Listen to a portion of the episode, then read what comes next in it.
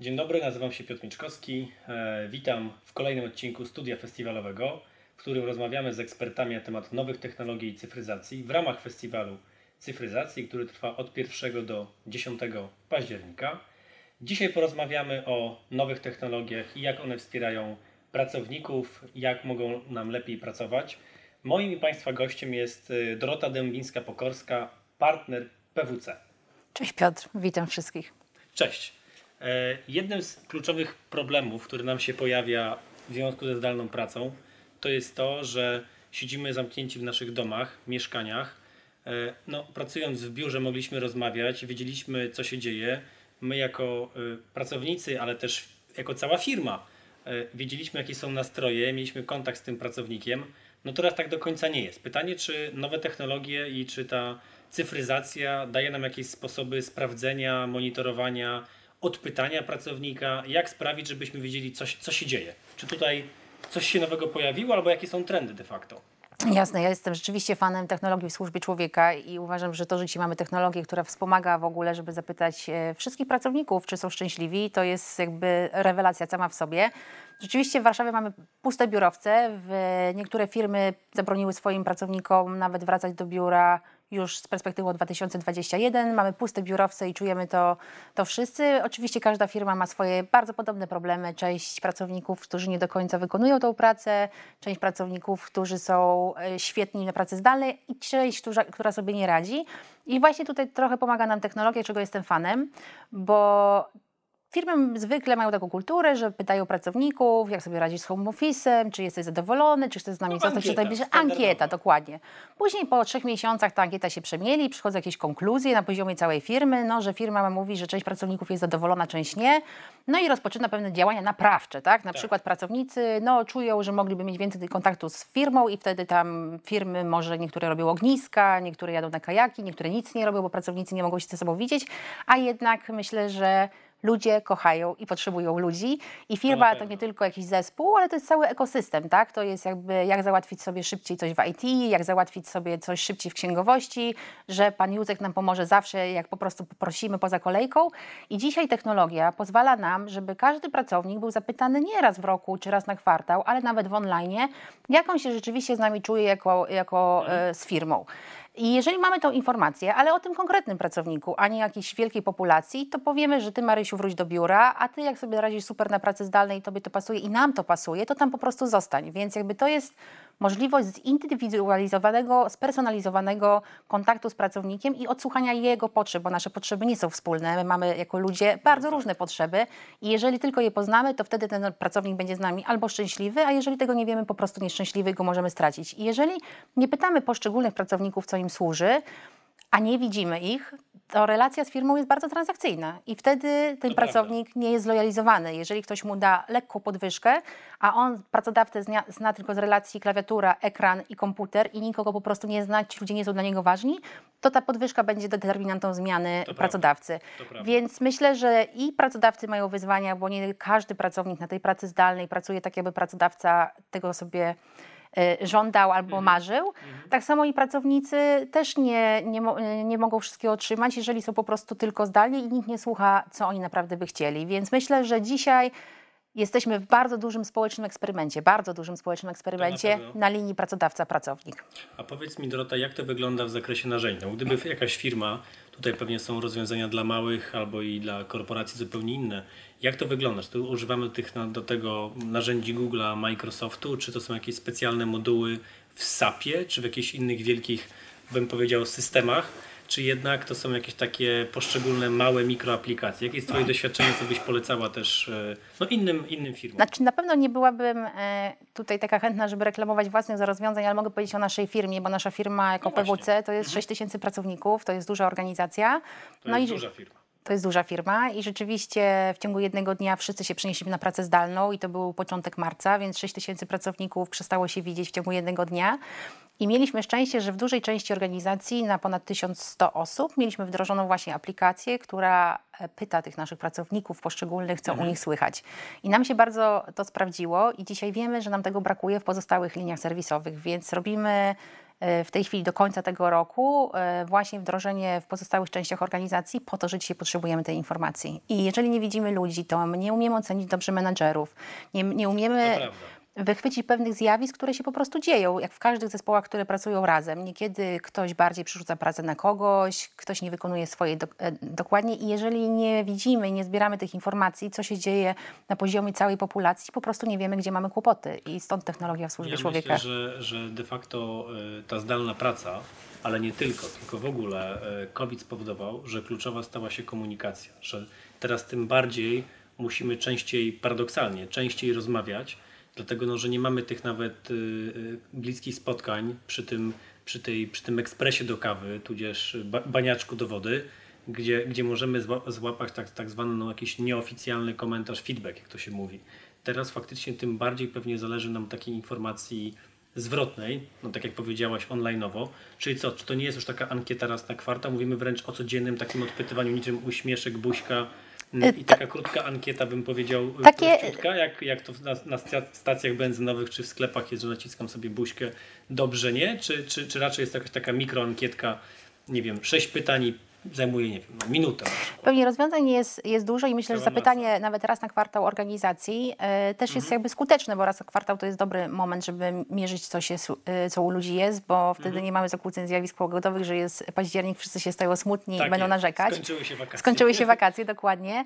Bardziej chodzi o to, jak widzimy tę organizację, bo jeżeli pytamy wszystkich populacyjnie, czy wy się czujecie dobrze w tej firmie tak naprawdę, no to mamy informację, że populacja się w części czuje dobrze, a w części nie. Więc chodzi o granulację tego, żebyśmy widzieli wszystkie absolutnie osoby, które zarządzają jakimkolwiek zespołem w organizacji. I jeżeli mamy takie jakby narzędzie, to nie powiemy, że na poziomie 60% pracowników oni są zadowoleni, tylko powiemy, że w sześciu zespołach, które są dla nas ważne, są kłopoty, tak? I spróbujmy je rozwiązać. Więc to chodzi bardziej o to, żebyśmy mieli diagnozę, gdzie są kłopoty w organizacji, bo problemy nie są globalne, ale problemy są pojawiające się w różnych miejscach i tam należy interweniować, aby po prostu ludziom pomóc, żeby ludzie czuli się No tak szczęśliwi. jest. My jako fundacja robiliśmy też taki e, webinar z, z PFR-em, gdzie pokazywaliśmy, no to właśnie mogę Ciebie o to spytać, jaka też jest Twoja obserwacja, ale my żeśmy taki pokazywali, jaki był trend, kto najlepiej radzi sobie w pracy zdalnej. No oczywiście osoby samodzielne, pewne siebie, zdyscyplinowane, które same siebie monitorują. No oczywiście nie wszyscy są, czyli pewnie połowa, a może, a może i mniej, którzy jednak no, kompletnie się nie sprawdzają. Jakie tutaj Twoje doświadczenie, co Wam wychodzi z tych ankiet, nawet niekoniecznie PWC, ale w ogóle w firmach, co Ty widzisz, no bo masz ogromne doświadczenie, szerokie, pracujesz pewnie z wieloma też e, na wielu projektach, widząc co się dzieje w innych firmach. Jakie są według Ciebie tutaj obserwacje po tym COVID-zie? Jak, jak to wygląda? E, Paradoksalnie e, bardzo dobrze sobie radzili e, ludzie z takiego pokolenia 50 plus na pracy zdalnej. Pomijam wątek technologiczny, bo tam rzeczywiście to jasne. były wyzwania, ale pod kątem obowiązkowości, takiej lojalności, Sumienności. sumienności, to była bardzo dobra grupa. Na pewno grupa, która sobie trud, miała trudności z poradzeniem sobie w pracy zdalnej, przynajmniej przez ten pierwszy covidowy okres, to byli młodzi ludzie, którzy mieszkali samodzielnie. I tam niestety w wielu firmach, i to to słychać i wybrzmiewa, że pojawiały się choroby psychiczne, prawdziwe choroby psychiczne, że ludzie e, mają depresję, bo samotność im po prostu nie służyła, tak? No tak. E, więc e, na pewno grupą, która była szczególnie jakby dotknięta, to byli posiadacze e, małych dzieci, czy w ogóle dzieci w wieku szkolnym, którzy e, po prostu No, mieli dodatkowe wyzwanie nie tylko pracy zdalnej, ale To również prawda. edukacji. Więc myślę, że ta grupa jest bardzo, bardzo zmęczona i rzeczywiście e, widzimy dużo e, młodych rodziców, którzy na skrzydłach wracają do powierzchni W biurowej. końcu mogę pójść do biura. W końcu mogę pójść do biura, dokładnie. E, Więc pewnie jest różnie, ale to jest właśnie chyba to, co jest puentą tej dyskusji, że my jesteśmy różni jako ludzie e, i mamy różne potrzeby jako ludzie, abstrahując od płci, miejsca zamieszkania, e, w ogóle pochodzenia, bo po prostu jesteśmy tak skonstruowani. Więc jeżeli jakiś pracodawca uwzględni tą różnorodność, no to ten pracownik się czuje lepiej z tym pracodawcą. Mhm. Wiesz co, u nas e, w fundacji jednym z, z fundatorów jest Reinier Axel Springer. Mark Dekan, prezes, jest wielkim fanem pracy zdalnej. Zrobili, zrobili badanie, no tam jest prawie chyba tysiąc pracowników. E, zrobili badanie i wyszło im, że mniej więcej 30% e, zgadza się, chciałoby, właściwie chciałoby pracować 3 dni z domu, 2 dni z pracy. Kolejne 40 powiedzmy procent powiedziało 3 dni z biura, nie, dwa dni e, e, powiedzmy z domu. Tylko co ciekawe 5% czy no poniżej 10 na pewno powiedziało, że jest e, chętna pracować cały czas, 5 dni, poniedziałek, piątek e, zdalnie, no i ta reszta powiedziała, że nie ma takiej absolutnej możliwości, w ogóle nie chcą online'u, ta, ta, ta, ta reszta poniżej tam bodajże 15%, tylko chcą pracować w biurze.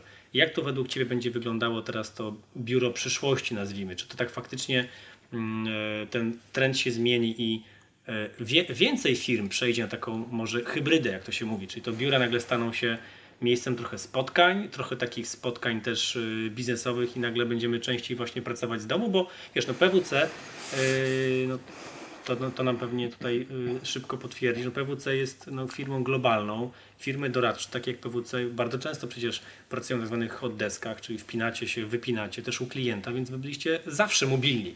Natomiast pytanie, czy ta mobilność też spłynie na to MŚP w Polsce? I nie mówię tu o największych firmach, takich może jak PKO BP, PKO SA i tak dalej, i tak dalej, ale o takich MŚP.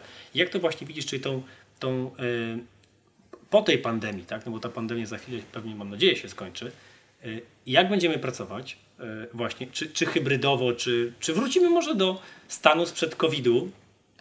I, i, jak, i czy to jakoś wpłynie na, na MŚP, na tryb pracy MŚP? Czy ja bym w ogóle jeszcze nawet nie wiem, czy bym tę firmę nazywała MŚP, bo e, w zasadzie taka firma, która nie umie zauważyć, co się dzieje u pracowników, to jest e, powyżej 200 osób, tak przynajmniej Okej. wynika z moich doświadczeń, czyli tak długo, jak jest około 200 osób, tak zarządzający są w stanie mniej więcej wiedzieć rzeczywiście, co u pracowników słychać. Natomiast e, już przed COVID-em się mówiło w ogóle o nowym modelu powierzchni biurowej, bo firmy to traktują w głównej mierze jako źródło redukcji kosztów najzwyczajniej w świecie, a benefitem jeszcze przed pandemią było to dla pracownika, że może na przykład jeden dzień pracować zdalnie. To był benefit pracodawcy, tak? tak. No teraz mamy jakby benefit covidowy, który może w niektórych przypadkach się nie okazał benefitem, tylko karą, że tego biura się nie ma. E, Więc rzeczywiście myślę, że taki będzie trend, że biurek będzie mniej niż pracowników i myślę, że do tego po prostu nie wrócimy, bo tak jak powiedziałam, części ludziom to służy, część osób potrzebuje wpaść tylko do biura, spotkać się jako zespół, popracować trzy godziny i pójść, więc biurek będzie ewidentnie mniej i uważam, że tak będzie stale. Ale na pewno bym przestrzegała firmy, które powiedzą, że już nie będą miały biura, a takie też są, żeby y, właśnie uważały na to, żeby pracownik nie miał relacji wyłącznie transakcyjnej, tak? A Taki ekran, klawiatura. Ekran, klawiatura i to jest znowu tej różnorodności. Ja jestem przykładem pracownika, gdzie jeżeli bym nie miała biura, zmieniłabym pracodawcę. E, I to jest bardzo silna moja motywacja, więc bym była w stanie jakby położyć wiele e, e, innych rzeczy, które by były dla mnie równie ważne, bo priorytetem by było dla mnie, żebym mogła do tego biura wejść, tak? A jeżeli rozmawiamy właśnie znowu o technologii, to model hybrydowy jest najtrudniejszy. e, Jeżeli chodzi Najtrudniejszy. najtrudniejszy, dlatego że jeżeli jesteśmy jeżeli jesteśmy wszyscy na ekranach, to oczywiście widzimy siebie lepiej lub gorzej, kogoś tam wywali, bo, bo internet No bo się zdarza, bo się tak, zdarza tak, i w tak, ogóle, tak. ale generalnie wszyscy mamy równe szanse, bo jesteśmy na kamerkach, widzimy siebie. Natomiast jeżeli mamy pięć osób w pokoju, a trzy wdzwonione e, i nie wyświetlone na ścianie, na rzutniku, to te osoby są niezapraszane do tej dyskusji, bo dynamika się toczy dyskusją w biurze. Ja już Rozmowy też... kuluarowe. Nawet nie, jest jakaś dynamika, że pracuje się nad tym, jest pięć osób, wymieniają się pomysłami i rzadko e, ktoś pyta tych e, wdzwonionych, co oni myślą o tym, tak? No tak. Więc jeżeli firmy myślą o takim prawdziwym modelu hybrydowym, gdzie wszyscy są zaangażowani, no to mówimy o jakichś inwestycjach związanych z technologią, bo jeżeli to jest sala konferencyjna, to musi być rzutnik, gdzie, czy ekrany w ogóle, gdzie się wyświetlą Lub ci ludzie, no, lub telewizory, gdzie się wyświetlą PWC, y, macie, macie telewizory, możecie pewnie się wpiąć po HDMI, zrobić Ale sobie- muszą być właśnie kamerki, które zbierają No tak. ludzi z sali, tak? No tak. Więc musi Nie- być nie w drugą lap- stronę, tak dokładnie, jest. bo z laptopa się pięć osób z jednego pomieszczenia nie zbierze. Więc jeżeli No, mówimy o hybrydowym modelu, to naprawdę to jest inwestycja po stronie technologii, bo żeby ludzie byli równie traktowani e, i siebie widzieli i rzeczywiście mieli równe prawa, to hybryda jest najtrudniejszym modelem pracy. Bo wiadomo, jak jesteśmy w jednym pomieszczeniu, wszyscy jesteśmy na równi, zdalnie jesteśmy wszyscy na równi, e, a w hybrydzie ta równość znika, tak? E, Więc e, ten model naprawdę to jest inwestycja.